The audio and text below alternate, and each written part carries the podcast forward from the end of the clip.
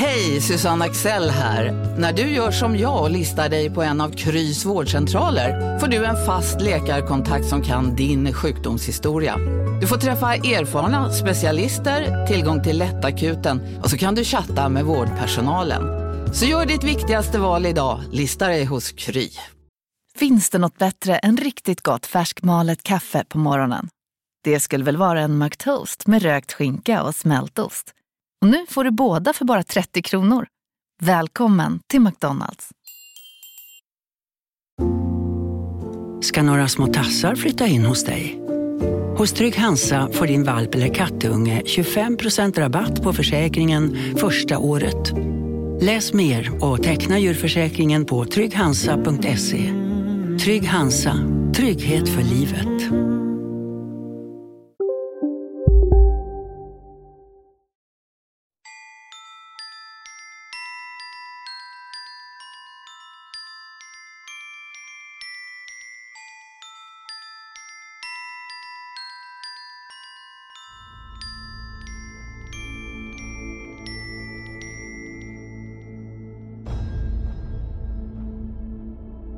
Detta avsnitt är ett samarbete med tidningen Nära.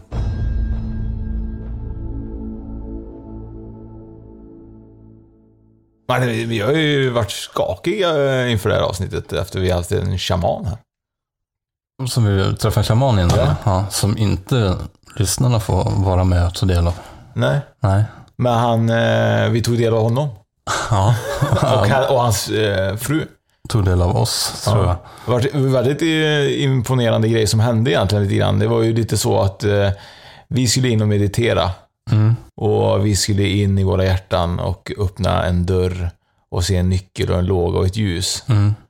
Eh, och eh, En plats att gömma nyckeln en på. plats att gömma nyckeln på. Precis. Eh, och du berättade ju då vad du hade sett ju. Ja. Och jag satt ju, låg ju där under och var ganska tyst ju. Mm. Jag, såg ett, jag såg ett ljusklot och en gammal dörr, gammal brun dörr och en stålnyckel. Eh, och så, så gömde jag nyckeln i en skogsglänta med en stor sten. Mm. Ja.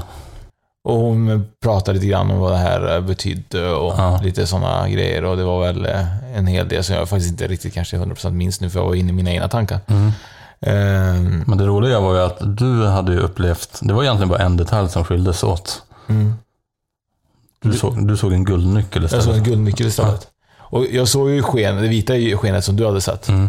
Eh, Men du hade sett det i klot, jag hade sett det vita skenet. Mm. Jag hade sett exakt samma dörr som var rundad gammal brun dörr. Mm. Och nyckeln var gammal, men din var typ så metall och min var guldig. Ja, precis. Och när vi skulle lämna nyckeln så lämnade vi båda två i en skogsglänta på en stor sten. Ja. Så jag har ju på något konstigt sätt fått in din information. ja, det är häftigt. Och, och det var ju verkligen en, eh, en cool upplevelse. Mm. Och sen eh, började jag böla som en liten pojke ju. Ja, det gjorde du. Det är ju fint. det är fint. Ja, Gillar du? ja det gillar jag. Det är ju Då skulle jag ju plötsligt fick, eh, känna ett, en slags healingprocess av shamanen. Mm. Och det var ju faktiskt väldigt skönt, skönt och lugnt. Precis. Så att, eh, ja. Kul. Ska vi fortsätta berätta också att vi är kvar på Helsing Light. Mm. Det här är ju också ett Helsing Light-avsnitt som vi eh, kör på. Så det hände ju extremt mycket här uppe för oss egentligen. Det har varit en Mm. grym resa att vara på Helsing Light. Verkligen. Det har varit eh, fantastiskt att träffa nya människor och eh, uppleva nya upplevelser och lära känna sig själv lite mer kanske. Mm, häftigt. Imorgon åker vi hem. Ja, Imorgon åker vi hem. Ja, vad ska vi på tåget hem? Lyssna på Next Story. Perfekt. Och eh, jag Vad är, vad är Nextdoor? Alltså Nextory är ju en eh, ljud och en eh, e-boktjänst som du prenumererar på månadsvis då. Mm. Du får lyssna och under den tiden du prenumererar nonstop. Du kan lyssna på typ 100 böcker, 1000 böcker, det du har tid med. Eh, Och, och är bara att köra på en surfplatta eller vad du vill använda dig av då. Det är smartphone kanske? Ja, smartphone. Det gör du imorgon kanske när du ska åka hem eller? Ja, det kommer jag göra. Jag kommer att lyssna på en författare som heter Bengt af Klintberg. Mm. Som har gjort lite böcker om sagor och sägner och eh, lite troll, svensk troll, trollkonst. Ja. Och det känns ju lite grann som det kan ju passa in i, lite grann det vi kanske ska prata om idag eller? Ja, lite. För det det, liksom. blir lite mer folktro-avsnitt idag. Ja. Det är ju jäkligt intressant. Ja. Vi, har, vi har ju en, en gäst som vi snart ska bjuda in som har 100% mer podcast än vi. Han driver två stycken. Åh jäklar. Ja. Och så tror jag att han utbildar poddskapande också. Oj. Så vi är ju amatörerna då och så har vi bjudit in ett proffs. Ja, det är bra. Så kanske han kan lära oss lite vad vi gör fel och så. Ja. Så det är ju jäkligt spännande. Men, men man får ju även då, om man lyssnar på Nextory eh, via eh, oss tänkte jag säga, men det blir det inte. Om man vill lyssna på eh, Nextory eh, och använda oss av Spökpodden så får man ju ett erbjudande genom att man går in på nextory.se kampanj och anger Spökpodden och då får man 30 dagar gratis lyssning. Perfekt. Så nextstory.se snedstreck kampanj. Spökpodden. Spökpodden som kampanjkod. Och så kan du lyssna sönder i 30 dagar. Fett. Grymt ju. Tack Nextory. Och nu till våran gäst ju. Mm. Thomas.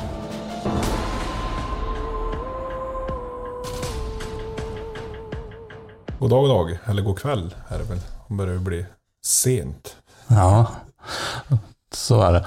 Vem är du? Vad gör du för något?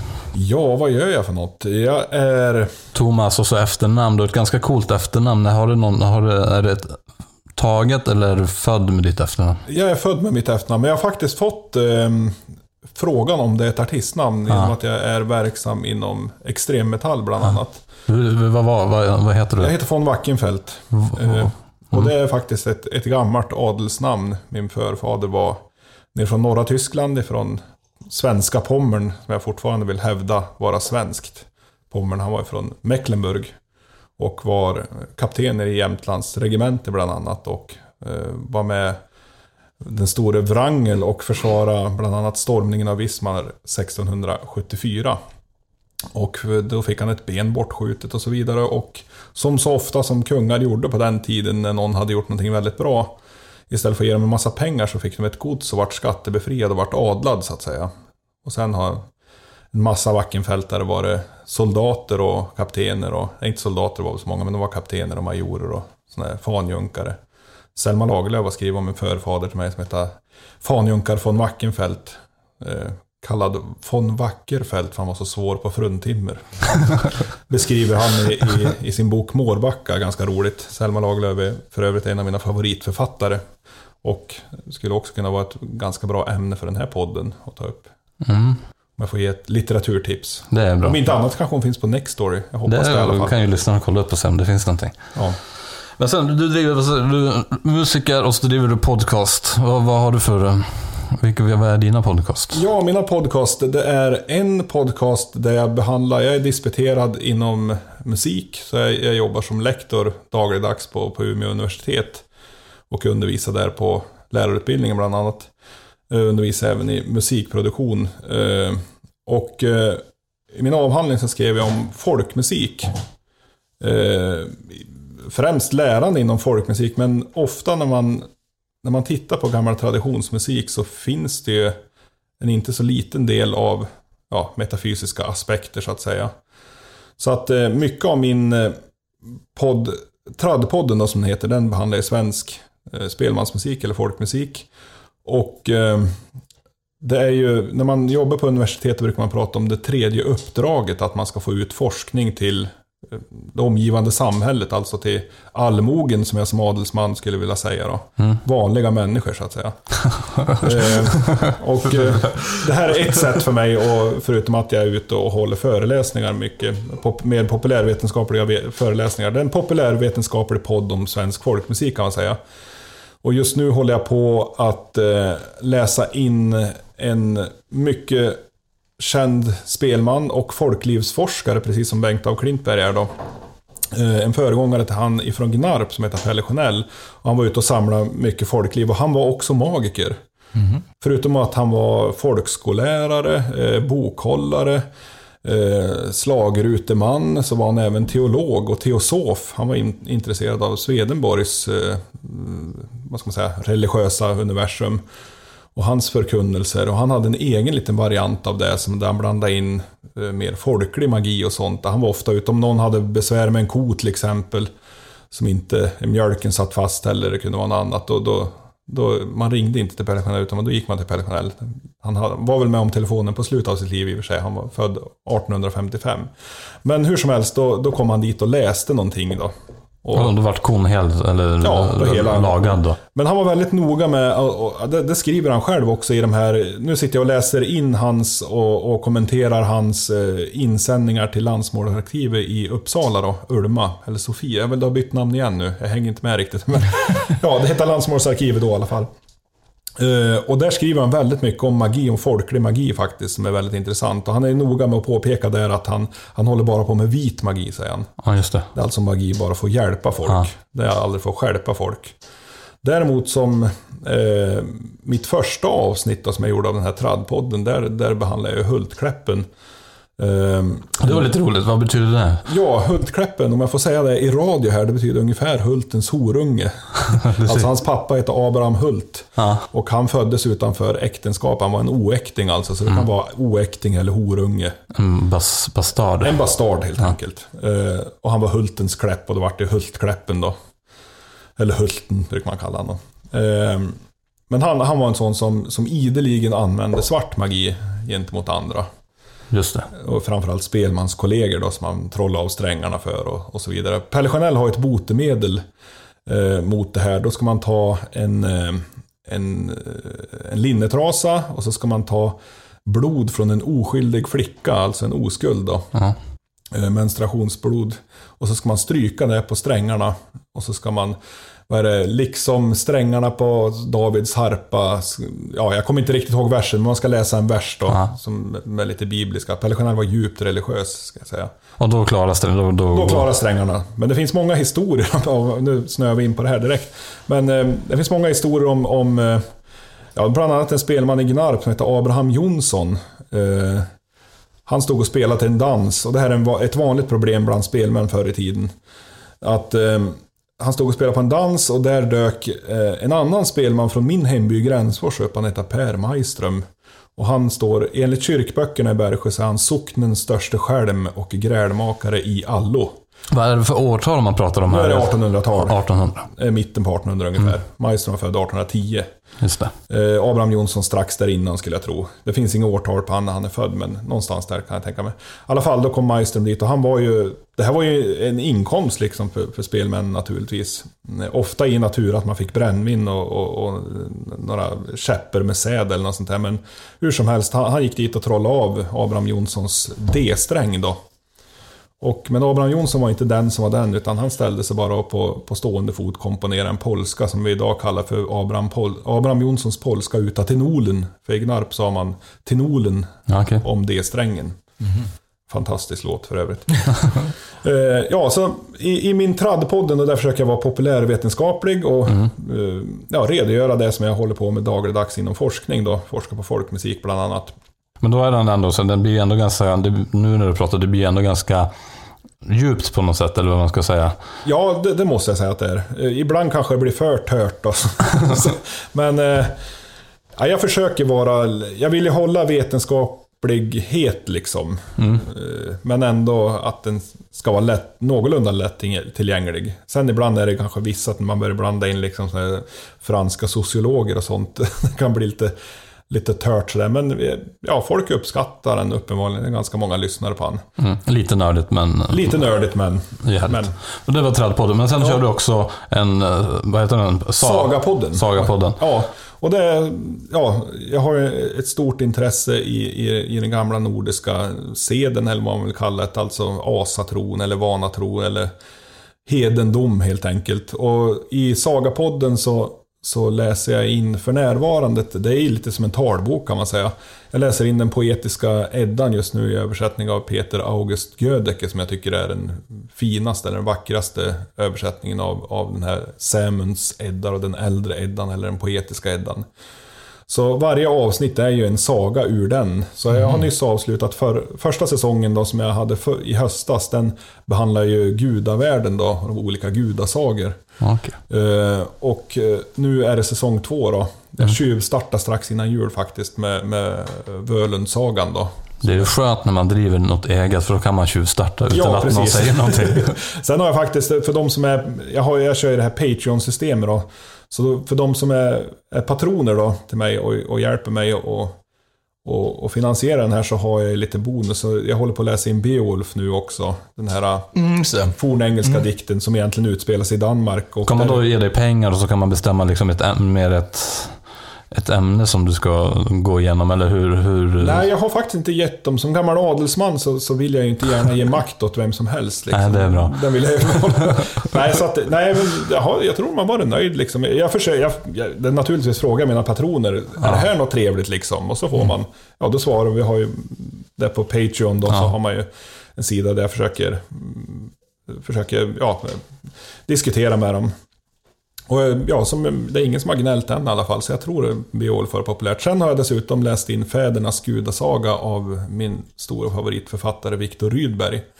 Som på ett otroligt häftigt sätt, han håller på under hela 1880-talet med det här. Han gjorde först eh, djupa studier, som man kallar det för studier i germanisk mytologi. Och han var ju väldigt tidigt ute med att se den här kopplingen liksom mellan vårt språk och våra seder, våra eh, trosföreställningar med, med det som vi idag kallar för Jamnaya-kulturen norr om Svarta havet, alltså den urindoeuropeiska befolkningen då som spred sig från steppen där nere och ut över Indien. Och det är därför vi i Indien har hinduismen då som är egentligen samma sak som asatron. Okej. Man har det heliga trädet och alla de här olika gudomarna då, som, som är snarlika här i Norden.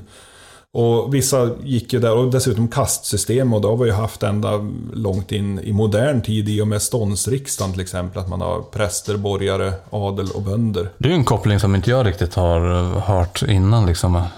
Nej, och det här har ju varit, jag vet inte varför det har varit Naturligtvis vart det befläckat, den här diskussionen naturligtvis, av, av Heinrich Himmlers eh, tendentiösa forskning under tredje riket. Mm.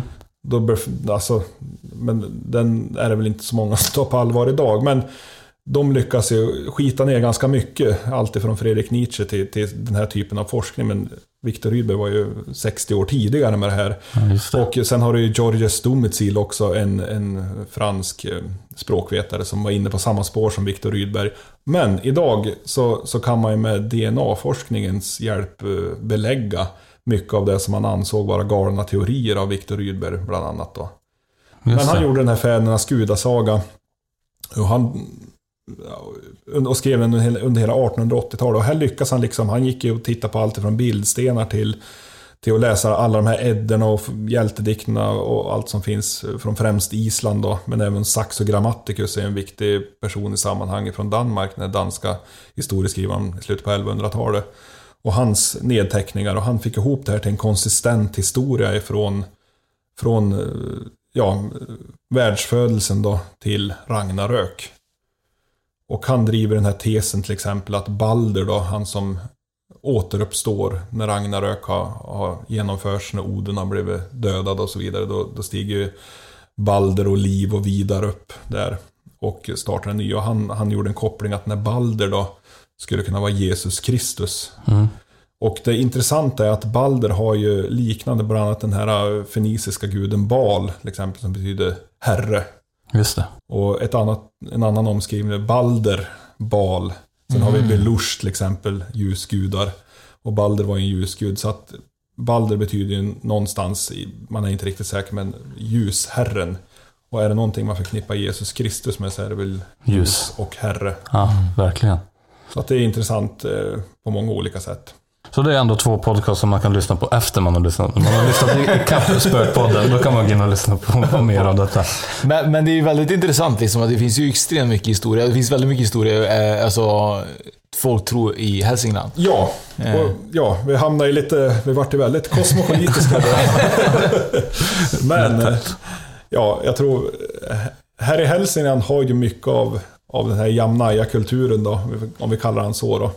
Den här urindoeuropeiska kulturen har ju levt kvar här på, på, på så många olika sätt och inte minst inom ja, spelmansmusiken som kanske var till stor del en, en, en väg in till de här spörsmålen för mig då. Via hårdrocken faktiskt.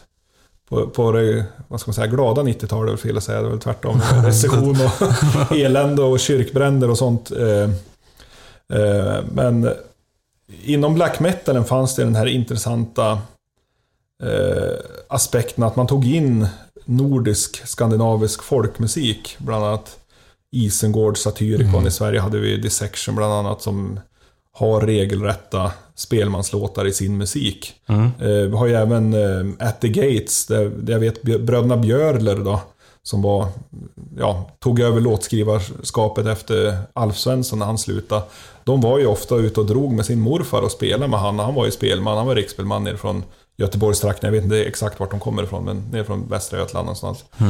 Eh, och det hörs ju i framförallt At the Gates tidigare skivor, hör man tydligt med folkmusik. Och, och då börjar man fundera. Och sen bor jag på ett, i Hälsingland, är ju liksom många andra traditioner. Det är skid, allt ifrån längdskidåkning till, till spelmansmusik.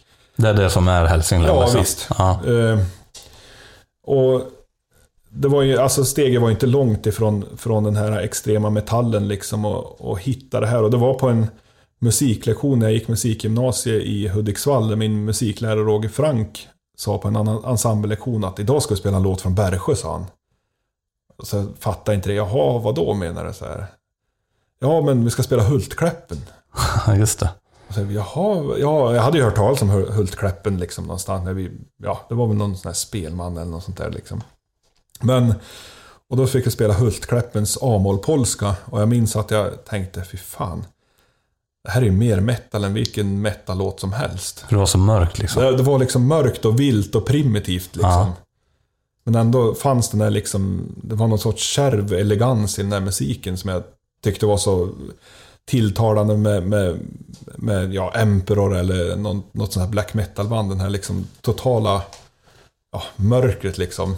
Och ändå fanns den här elegansen liksom, det här sublima som jag tyckte var väldigt tilltalande. Och då, då slängde jag av med elgitarren ganska omedelbart faktiskt. Och först spelade den här på gitarr, jag satt som här... Så att jag spelade den där jämt liksom. Men sen tänkte jag, det här håller inte, jag måste spela ett riktigt instrument. Så då började jag spela fiol istället. Just det. Och var det då också hela det här folk, ditt intresse för folktro började växa? Eller hade. Ja, det fanns ju det. Alltså jag, jag har ju en mormor och en farfar som var otroliga historieberättare bägge två. Min mormor hon, hon berättar liksom om hur hon hade träffat olika sorters skrömt. Hon är från Ramsjö då, som är en by i nordvästra Hälsingland. Där min släkt kommer ifrån. Och hon berättar liksom om tomtar och tröll och sånt här som, ja, som hon berättar om va- vardagliga saker. Det var liksom inga konstigheter. Det var då som saker som hon hade sett och upplevt. Och... Ja, ja absolut. Och Hon berättar liksom, ja, när de bodde i Ånge till exempel så minns jag hon berättade de hade köpt en ny sån här 50-talsmöbel. Det här var väl på 50-talet då. Ja. En sån här rund med, med en lång rygg på. Med En lite skinn. typ fåtölj. Ja, en eller- fåtöljaktig Ja. grej som man kan snurra då. Som var inne. Och hon hade vaknat liksom och hört att det lät typ... Det picka liksom. Och funderade, vad fasen är det? Och då satt en liten grå, en liten tomte då. och, och pilla i den där eh, möbeln. Och hon har berättat jättemycket när hon växte upp i Hesjön då. Som är en by mellan Ånge och Ramsjö. Eh, om hur hon, ja, umgicks där med tomtarna liksom. De små grå då. Mm. Eh, och min farfar berättade också, han var kolare i samma by, Ramsjö då.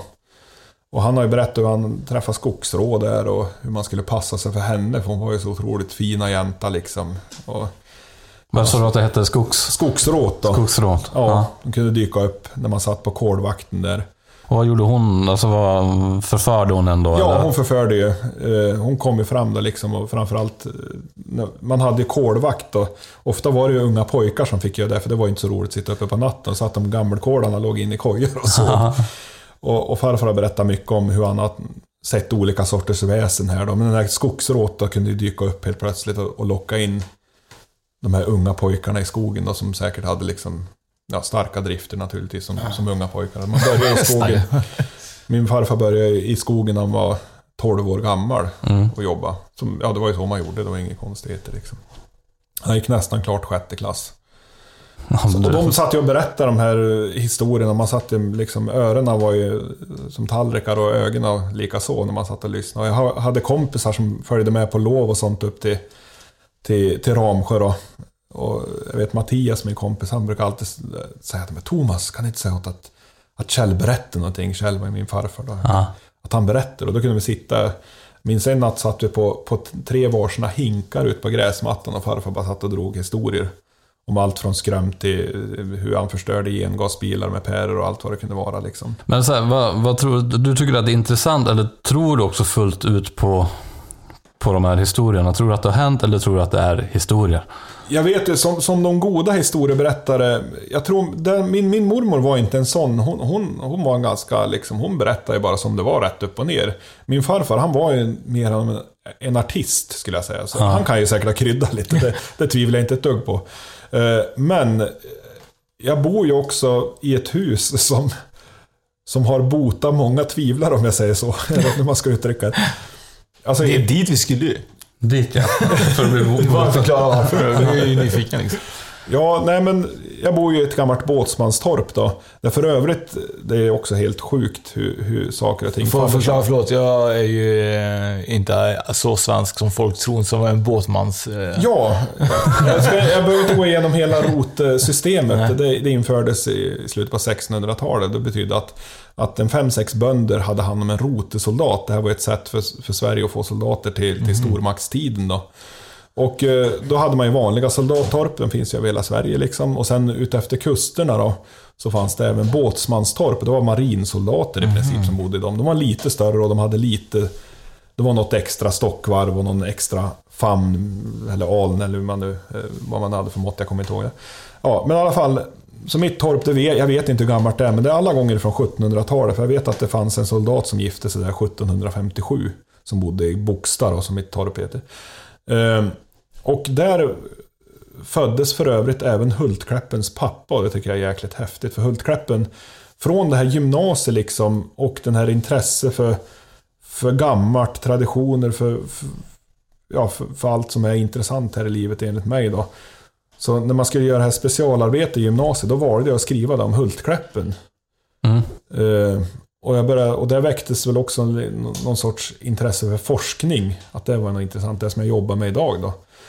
Ehm, och det var otroligt intressant att springa på bibliotek och arkiv och sånt där, leta saker om den här Hultkläppen. Vad fanns skrivet om honom? Och då märkte man att han gjorde ju saker på 1800-talet som mina idoler då inom black metal bara vågar sjunga om. Ja, vissa brände ner kyrkor förvisso och slog ihjäl men, det är ju en men, eh, men han gjorde det i en tid när man i princip kunde bli avrättad för sådana här saker. Om man hade otur. Eh, jag det är ju ändå rätt vågat liksom. Ja, jag tänkte han är ju mer true liksom. än mina metal-idoler då. Eh, så att, eh, ja, Hultkläppen vart det liksom min väg in. Och sen märkte jag när jag hade bott i mitt hus i säkert fem år. Då märkte jag, för jag började kolla, efter min fru är, är från, från är finlandssvensk och jag vet att hans farfar var finlandssvensk. Så jag skulle kolla om de kom från samma ställe, men det gjorde de inte. Han kom ner från Åbo, Hultkläppens farfar då. Och det var ju i och med att Sverige förlorade östra rikshalvan som vi idag känner som Finland. Just. Ehm, och då kom han över och tog värvning i Hälsingeregementet och skulle man ju försöka ta tillbaka Finland till en början. Men det där tog ju Jean Baptiste Bernadotte, Karl Johan, snabbt ur och då tog vi Norge istället. Då. Det är en annan historia. Men ehm, han, den här Samuel Hult eh, gifte sig där med änkan då, för den här som hade bott i det där båtsmanstorpet, han dog i Orravais i det stora slaget 1809. Ehm, och så sen kom den här Abraham Hult till då, som var pappa till Hultkläppen. Och han föddes i mitt hus, så att cirkeln vart sluten där på något sätt. Det är ändå jävligt häftigt. Ja. Men det där huset då som jag bor i. Och, och folk, eh, jag minns det första de sa när jag nyss hade flyttat dit. Då, då träffade jag två, två gubbar på byn så att säga. Och eh, då sa jag, jaha, är det du som har flyttat dit ens? ja, jo. Ja. Ja, lär du få... Du, du behöver inte bo ensam där i alla fall. För jag, bodde, jag köpte det här huset själv som Ja. ensamstående. Nähä, så jag. Och så började de berätta om massa olika saker som hade hänt i det där huset. Just Jag det. tänkte, åh, intressant så här. Och som sagt, jag hade ju ett stort intresse. Det får man. Jag vet när hönan eller ägg. Hej, Synoptik här. Visste du att solens UV-strålar kan vara skadliga och åldra dina ögon i förtid? Kom in till oss så hjälper vi dig att hitta rätt solglasögon som skyddar dina ögon. Välkommen till Synoptik. Dåliga vibrationer är att gå utan byxor till jobbet. Bra vibrationer är när du inser att mobilen är i bröstfickan. Alla abonnemang för 20 kronor i månaden i fyra månader. Vimla! Mobiloperatören med bra vibrationer. Upptäck hyllade XPeng G9 och P7 hos Bilia. Våra produktspecialister hjälper dig att hitta rätt modell för just dig. Boka din provkörning på bilia.se xpeng redan idag. Välkommen till Bilia, din specialist på XPeng. Om man intresserar sig för metal eller folkmusik. Om man intresserar sig av det för att man är intresserad av det okulta eller det dolska liksom i tillvaron. Eller om man... Alltså det blir väl som en dialektisk process att det ena ger det andra liksom. Så att man, Ja, men precis. man, eh, ja, intresset växer någonstans och så sen förstärks det av det man håller på med och så... Byggs det vidare. Ja, precis. Så att jag hade ju ett oerhört intresse för det okulta och sånt där. Och hade det och säkert var väl min farfar och mormor starkt medskyldig till det här kan jag tänka mig. Mm. På grund av deras olika historier då. Men hur som helst, och jag minns andra natten jag sov där. Jag hörde ingenting första natten, då sov jag gott där. Men andra natten då dunkade det som attan. Jag bodde uppe på botten då som vi säger här, alltså på övervåningen i ena rummet. Uppe på botten. Ja, uppe på botten säger vi. Det är för svenskt för mig. Det är nog Hälsingemål tror jag. Men ja, jag hörde i det andra rummet på botten där så hörde jag att det dunka i väggen. Ja. Länge. Alltså det kanske var 20 sekunder och det upplever man som ganska länge om man sover i Ja. Sabit hus mitt i natten. Verkligen. Tänkte men herre, och då, då vart jag faktiskt rädd ska jag säga. Men det är enda gången jag blev rädd. Sen har vi varit med om hur mycket som helst. Och, och min fru hon trodde inte alls på sånt här men hon var inte där så många nätter innan hon började märka av saker också. Lampor som helt plötsligt var tända. och- Ja. Eh, vi hade lillkammaren förut, eh, där vi nu har hallen, då, ingång. Där, och det rummet brukar vi ofta ha stängt för det var så kallt där. Eh, och det var någon gång när hon kom hem, att men attans glömde jag inte att släcka i rummet där ändå. Liksom. Hon brukar alltid vara nog att släcka lampor när hon åker någonstans och spara el. Och så skulle hon gå in och släcka den och då var det, då var det ju släckt. Hon såg ju tydligt att det lyste. Och sen har vi suttit, eh, jag, min frus syster och jag och, och hennes före detta satt där och, och, och spelade och sjöng en gång på nedervåningen. Och så fort hennes före detta, min, min goda vän Leo då, jag ska inte bara säga min svägerskas före detta utan det är min gode vän Leo. Så fort han började sjunga, då slogs musiken på på övervåningen på botten då. och när han slutade sjunga, då slogs det av. Och när han sjöng, då slogs det på. Och jag hade unleashed i stereon. Så det var Ja, liksom just det. gammal hedlig god gammal svensk döds som kom igång där på övervåningen. Var det typ så här att de ville verkligen inte ha... Han sjöng förmodligen så himla dåligt. Så Nej, han är en fantastisk sångare ska jag säga. Ja, var- Han är otroligt skicklig sångare. Det var tvärtom då? Att han, Ja, det kanske var avundsjukt. De har Johnny Hedlund i Unleashed istället. som Gastar på där. Ja, och sen har vi har varit med om riktigt spooky grejer. Bland annat var det, det var under en period i livet där jag liksom... Man kan ju hamna i perioder ibland när man inte riktigt vet vilken riktning man ska ta. Man, man står fast liksom på rutinens brant av olika eh, anledningar. Och, han trampar och står still bara. Ja, man trampar och står still och man vet inte riktigt. Och det här var en sån period. Jag hade en av mina andra mycket goda vänner, Paul, han är från Belfast. Han sa till mig att eh, Things are gonna be fine, sa han. Allt ska bli bra. Du kommer få en sten av en vän, av en nära vän. Som ligger väldigt bra i din hand, sa han. Och så kommer du få besök av Cucullin, sa han. Ja, Och Cucullin det är en irländsk eh, legend kan man säga. Ja. Antagligen har han levt, han var en, ja, en typ William Wallace kan man säga. Fast eh, irländare då. Ja, William. Wallace, som, de flesta har väl sett Braveheart kanske, i alla fall de som är över 30. Har Ja. sett den. Nej, 35. Eh, Men en hjälte. Och han, han bodde inte så långt ifrån eh, Paul där i, Ravensdale i norra i ja, gränsen kring Ulster, det som idag kallas för Nordirland. Ehm, och det första hände, var en kollega, en av mina favoritkollegor. Vi var ute på Gran, som är en ö här utanför. Med våran klass, vi var klassföreståndare för den klassen. Just det. Eh, och Gran är en otroligt häftig Otroligt häftigt ställe om man är intresserad av historia och, och spökerier och sånt. Där händer det mycket grejer. I själstugan där ute. Och så finns det sådana här labyrinter, man kallar för jungfrudansar. Ja. Som kommer från bronsålder och järnålder och sånt. Då. Det finns sådana kvar där ute. Men då, min kollega här, hon, hon sa du måste ta med ett minne från Gran. När du har fått vara här. Hon tyckte det var otroligt att jag inte hade varit där och bott här i, ja då 30 år då nästan. Mm. På den tiden. Och då fick jag en jättefin sten från Gran som bara låg i handen. Perfekt. Ja. Så den har jag sparat, den ligger på en stubbe hemma vid jordkällan idag, den får inte röras. och så sen på midsommarafton, och det här sammanföll med, ja det var väl då jag och min fru vart ett par på den midsommarafton. Hon kom upp från Stockholm på vinst och förlust. Eh, Men innan det, och så skulle en av mina allra bästa vänner, Isak, också komma och fira med oss. Eh, Och eh, då, då knackade det på dörren och jag tänkte nu kommer Isak.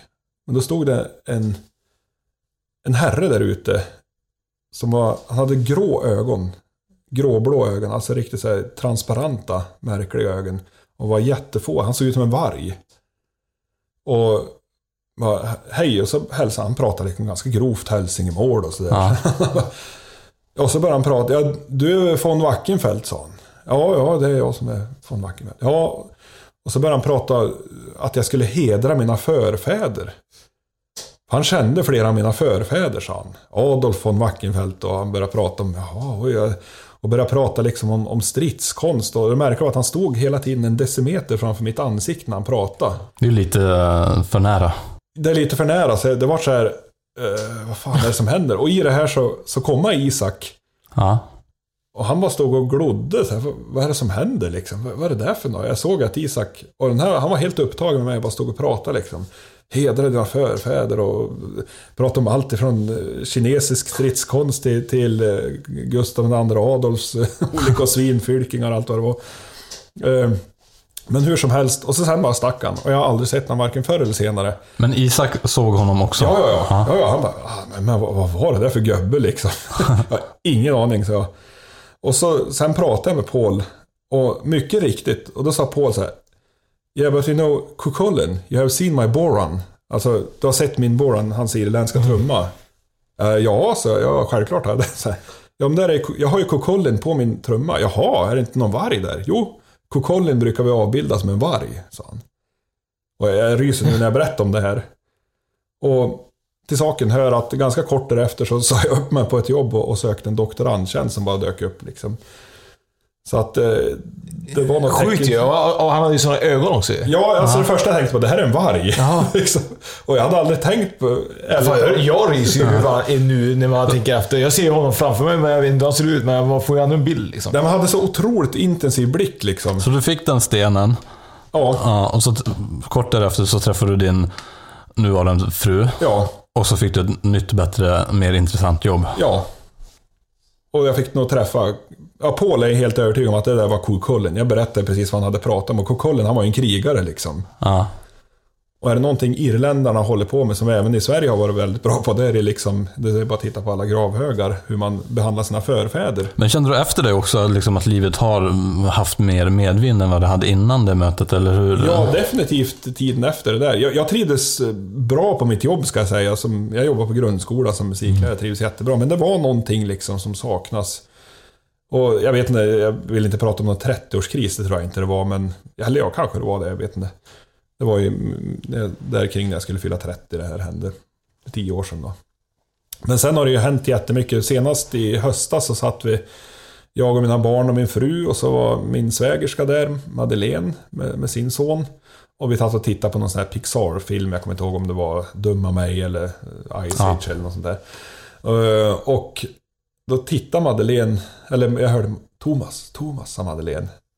Ja, ja, så jag, så tittade jag mot Madeleine. Vi har besök här, sa hon. Och då stod våran eh, mässingskrona och vaja liksom ganska kraftigt i rummet. Och, men innan det så har vi inte haft någonting på säkert ett par, tre år. Mm. Annars har det varit mycket och det är vilka tider som helst på dygnet. Så jag och den här kompisen Isak då, som jag nämnde nyss, det var en nyårsdag vi satt ganska bakfull, typ 12 på dagen. Och så fick vi för oss, fasen vi har inte gjort någon riktig näckpolska. Vi, vi brukar göra låtar i lag, folkmusiklåtar. Nej, det har vi inte. Och det måste ju vara sju repriser i en riktig näcklåt, alltså sju delar Just det. om den ska fungera. Liksom. Så då började vi att göra varsina delar så här. Vi satt där ganska eh, ja, trött efter nyårsafton där, men och, och spela. Och rätt vad det, då hör vi folk som började gå på övervåningen där. Vi satt nere i vardagsrummet. Och så gick det någon ner för trappen.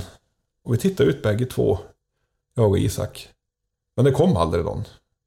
Så att det är inte så att jag upplevt de här sakerna själv, utan det är ofta i samband Med andra. andra sitter där också. Det är bara egentligen en gång jag har varit med om något riktigt starkt själv och det var den där andra natten jag sov där. Med dunkade. dunkningarna? Ja. Ja. Men du har aldrig sett någon uppenbarelse? Liksom som, med med folktro så pratar man ju mycket om troll och tomtar och Ja. som den där förföriskan och lite sånt. Du har liksom inte fått uppleva något så starkt? Jo, han vargen de... Ja, det är väl det. Nej, det har jag faktiskt inte. Eh, en annan intressant sak, just när jag hade flyttat till det här, det blir många trådar, det låter som nästan som det skulle vara ett bokmanus där, men alldeles när jag hade flyttat dit, då, då var min mormor och morfar och hälsade på när jag nyss hade köpt huset. Och då stod mormor och tittade ut där på gårdsplan. Åh, vilket fint ställe, sa hon. Men det är mycket små grå ener här, sa hon. Alltså små, Små tomtar. små folk då, små Ja. tomtar. Det är bra att ni, ni översätter till det. Och så sen, sen var Paul dit eh, kort därefter också, min irländska vän här. Mm. Och så stod han och tittade på nästan samma ställe som i mål där man kom upp på gårdsplan, som är naturligt i och för sig. Och sa han, The wee ones here, sa han. Alltså det små, små här. We, det är ju små på, irländska. Och så sen så är det ett märkligt träd nere vid ån där jag bor. Och eh, vi var bara där det gick, jag och Paul. Var ute. Så här, så här, titta på det här trädet, visst är det häftigt? Vad är det här för? Jag har aldrig sett ett sånt här träd någon gång. Och Paul, this is a gathering point, sa han.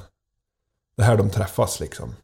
Det här, ja, fairies som de säger, skrömt som vi säger då. Ja. Och, och just där i Gränsfors är det väldigt mycket, det är lite skotskt faktiskt. Det är väldigt mycket kull, det är väldigt kulligt liksom.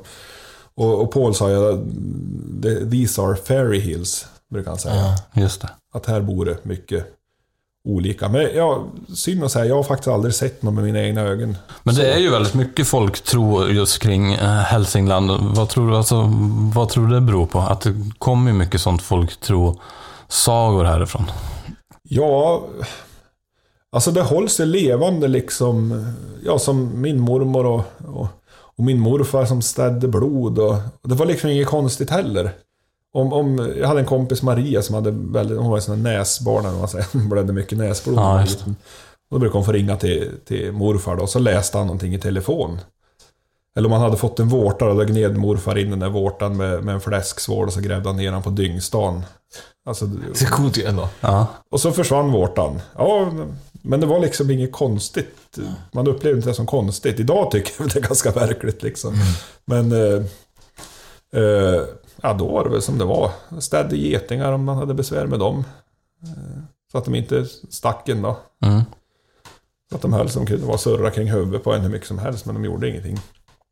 Eh, Men på frågan är, alltså redan i gamla tider så, jag har en, en eh, forskarkollega, Sandra Lantz, som, är, som har forskat mycket på ja, allt möjligt. Hon har forskat mycket på keltisk, eh, keltiska saker, men även mycket på, på saker här i Hälsingland. Hon är från Söderhamn och är religionsvetare. Och, och hon berättar för mig en intressant historia.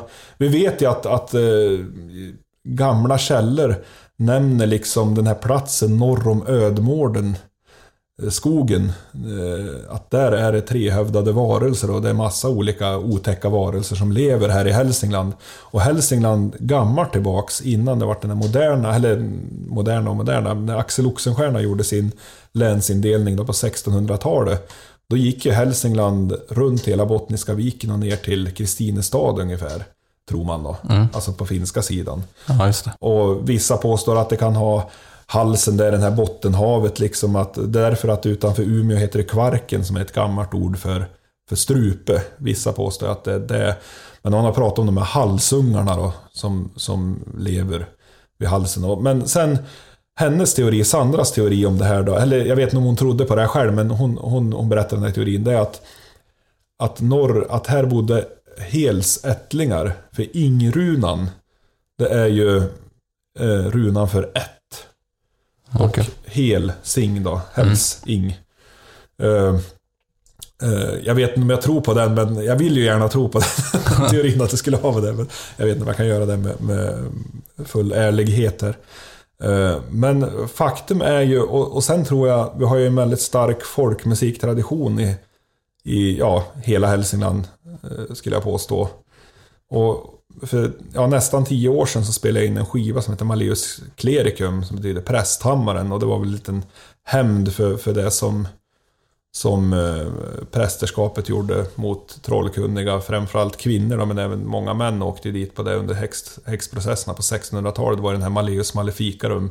Häxhammaren var ju en, en instruktionsbok hur man skulle behandla, ni vet det här vattenbad och allt det här som man har läst om i skolan och sånt. Det kommer ju från den boken. Den skrevs ju flera hundra år tidigare. Men eh, där så tog jag upp eh, jag märkte det liksom när man kom in i folkmusiken ifrån metalen. Jag märkte att det fanns så otroligt mycket likheter. Eh, dels det här med autenticitet, autenticitet, att det är väldigt viktigt, men också det här liksom att, att det här med eh, betydelsen av musiken, vad ska man säga? Eh, det fanns en metafysisk del som naturligtvis är väldigt viktig i black metal till exempel. Mm, men som också var väldigt viktig inom folkmusiken. Och det här med att man hela tiden pratade om låtarna, man hade långa historier och berättelser om varje låt nästan. Fanns det en berättelse. Och väldigt många av de här berättelserna behandlar ju Näcken naturligtvis. Det var om älver, det var om, om troll och det var om allt möjligt. Så jag tänkte, ja, men jag samlar ihop ett gäng låtar. Jag borde kunna få ihop till en skiva. Det är som med folkmusiklåtar, de är sällan mer än två minuter. Så att det borde ju bli åtminstone en 16-20 låtar på en skiva. Då. Och eh, jag fick ju rata det mesta alltså. Eller inte rata på grund av att det var dåligt, utan jag fick ju... När jag började kolla liksom och skriva ner alla de här näcklåtarna och sånt jag hade, då var det ju alldeles för många. Och då fick jag börja städa undan istället. Så jag, jag kan göra fyra, fem till eh, Skivor. skivor utan problem med låtar bara härifrån Nordanstig i princip då, Mm. våran hemkommun. Eh, Men eh, man har ju märkt att ofta de, de allra bästa spelmännen de är ju omgärdad av eh, myter, sådana metafysiska myter, man ska kalla dem. Till exempel Hultkläppen som jag nämnde tidigare. Han, han var ju känd för att trolla ont på folk då. Mm. Till skillnad från Pelle Sjönell som trollar gott på folk. Eh, men han kunde också trolla gott. Hade man tandvärk då så, så gick man hem till Hultkläppen och så läste han någonting och så hade han någon rolig salva. Med några roliga svampar i kanske eller något sånt där då.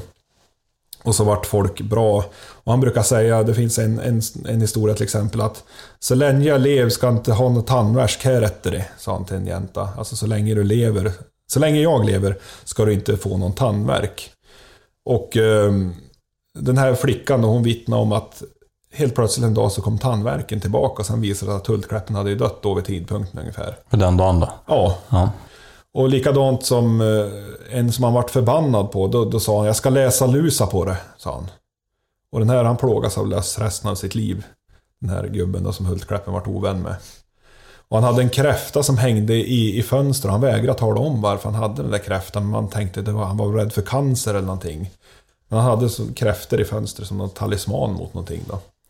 Så han håller på med mycket sånt där skrömt och, och han vart ju absolut inte populär liksom hos, hos det kyrkliga etablissemanget då, som, som kallar han för skällko åt Satan och såna här saker. Att han förledde ungdomen med sina polskor och sånt då. Vilket var väldigt vanligt. Och det här, det här kan man ju knyta an till, till, till den här kända Horga-legenden som utspelar sig nere i Kilaforstrakten då, i byn Horga. Mm. i södra Hälsingland. Där ungdomen syndfullt dansade på lördagarna. man skulle ju upp till kyrkan naturligtvis och vara pigg och nyter och, och fräsch och, och, och lyssna på prästen. Men då var de uppe och dansade där. Och helt plötsligt eh, en kväll så uppenbarade sig en ny spelman som de inte hade träffat förut. Och han, när han började spela så kunde de inte sluta dansa. Och till, de började ner i en lada. Och sen drog den här spelmannen upp dem på Horgaberget. Och fortfarande idag så är det ju en ring där som är urgröt liksom. Och enligt den här sägnen så var det ju på grund av att de här ungdomarna dansade tills det var bara skallarna kvar. Och så var det skallarna som dansade där inne, ända in på söndagsmorgonen då. Och de här kom ju inte till kyrkan naturligtvis då. Och sen om det är en sedelärande historia eller om det har hänt på riktigt, det, det jag har ju faktiskt eh, kollat faktiskt. Det finns en historia, nu kan jag, jag kommer inte ihåg den så väl, men jag kollade faktiskt för nyligen en historia som handlar just om, eh, men inte att det var någon som spelade. Nej. Det handlar om en by, eh, jag vet inte exakt vart byn är, jag vet inte om det är Tyskland eller om det är vart det är. Eh, där de, det var jättemånga som hade dansat till döds ju. Men de vet ju inte om det var så att de hade fått i sig en, eh, en gift ifrån någon i maten, typ så här, av någon växt eller vad det var, som gjorde att de började dansa och tills de verkligen bara dog. Det var Ja, typ det. det. jättemånga som hade dött av Ja. den här dansen.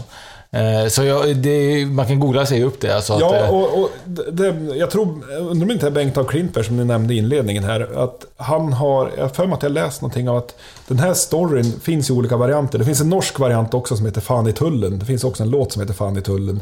Och det är lite samma, eller det är exakt samma, vad ska man säga, ur, ursaga så att säga. Men jag tror om det är Ebbe Schön eller Bengt av Klintberg, någon av de här folklivsforskarna är det som, som härleder den här historien, att den kommer ner från Tyskland ursprungligen.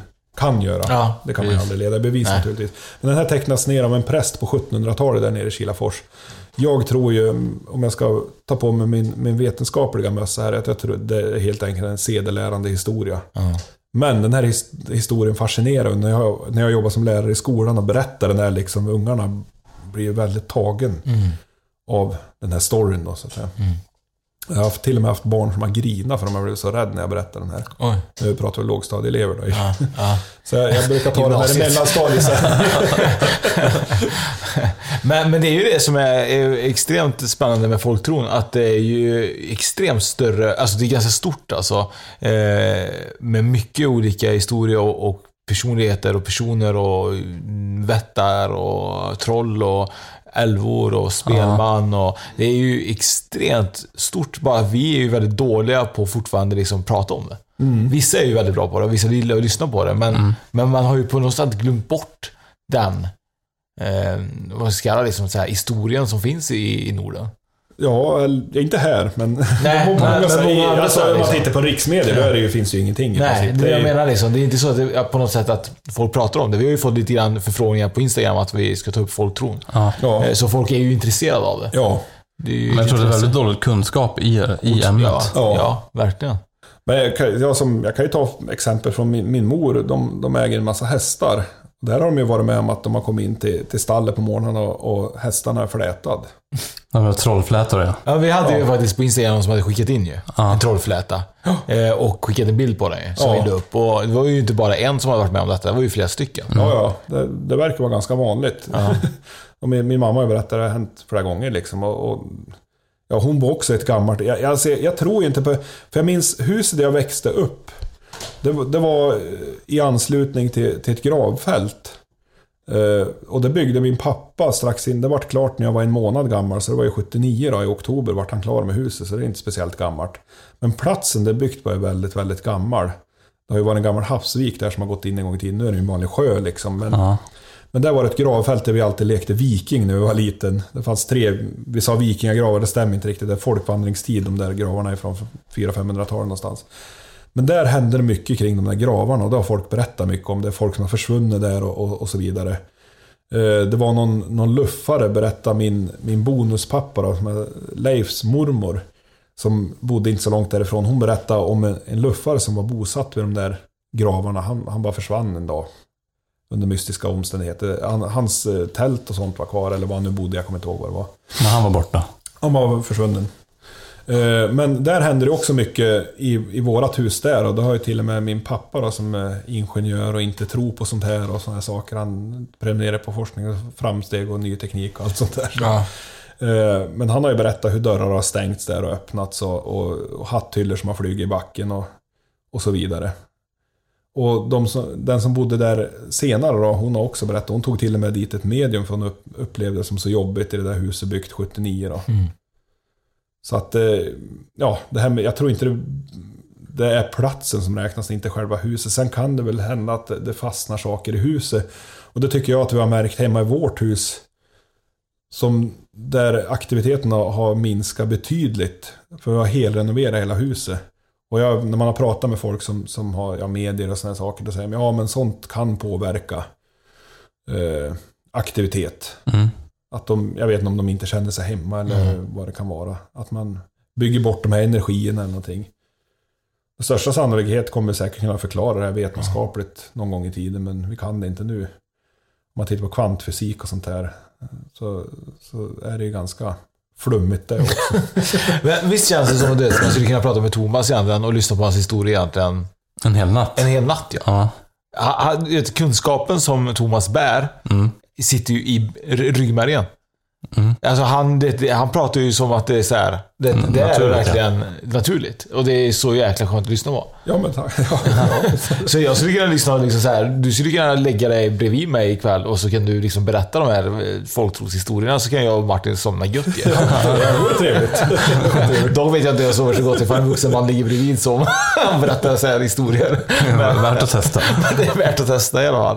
Det här har ju varit super, super intressant alltså. Ja, men vad kul. Eh, och eh, kan du berätta, om man vill lyssna på dina poddar, liksom, finns de på de flesta ställena? Ja, de finns på, på alla ställen. Allt från Spotify eh, till ja, iTunes och allt sånt här kan man ju hitta dem. Kan du dra namnen på dem igen? Ja, liksom? de heter Saga-podden och då, då använder jag, eftersom jag tycker om gamla, gamla saker, så använder jag gärna bindestreck i tid och otid. Så saga streck bindestreck podden och så är det tradd bindestreck podden. Ja. Och ja, om man söker på det så ska man ju hitta. Kan man hitta dig på sociala medier också? Typ Ja. så du har liksom... Jag har inte... Jo, vänta här nu. Ja, det, Patreon räknas inte riktigt som social media, men dit får man gärna gå och stötta om man vill. Eh, annars eh, har jag bara min personliga eh, ja, profil på, på sociala medier. Okej, du har ingen poddprofil? Nej, jag hade, men jag, jag var så extremt dålig.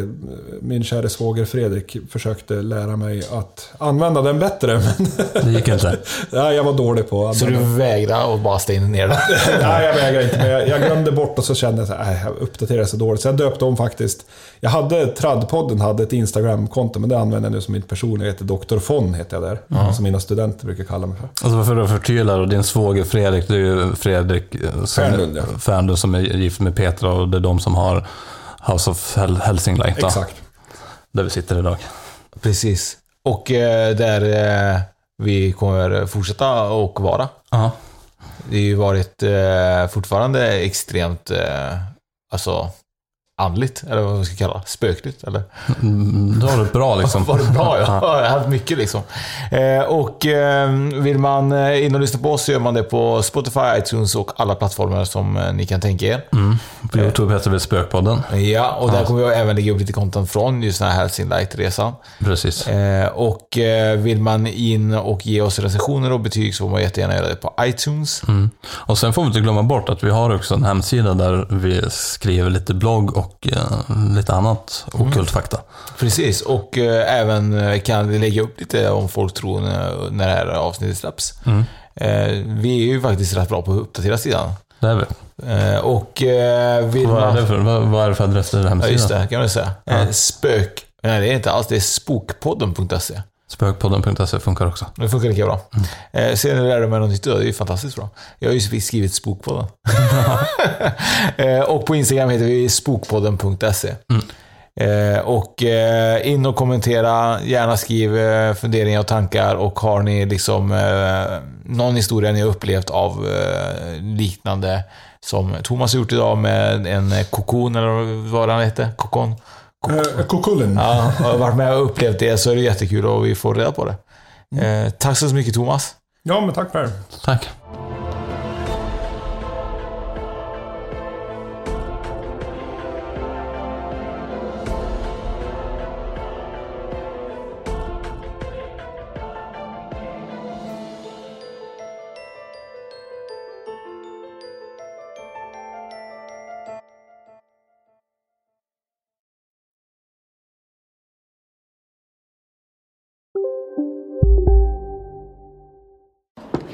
Kolla menyn. Vadå? Kan det stämma? 12 köttbullar med mos för 32 spänn. Otroligt! Då får det bli efterrätt också. Lätt! Onsdagar är happy days på IKEA. Fram till 31 maj äter du som är eller blir IKEA Family-medlem alla varmrätter till halva priset. Vi ses i restaurangen på IKEA. Ja, Hallå? Pizzeria Grandiosa? Jag vill ha en Grandiosa capriciosa och en pepperoni. något mer? Med kaffefilter. Ja, Okej, ses samma. Grandiosa, hela Sveriges hempizza. Den med mycket på. Välkommen till Unionen. Jo, jag undrar hur många semesterdagar jag har som projektanställd och vad gör jag om jag inte får något semestertillägg? Påverkar det inkomstförsäkringen? För jag har blivit varslad, till skillnad från min kollega som ofta kör teknik på möten och dessutom har högre lön trots samma tjänst. Vad gör jag nu? Okej, vi tar det från början. Jobbigt på jobbet. Som medlem i Unionen kan du alltid prata med våra rådgivare.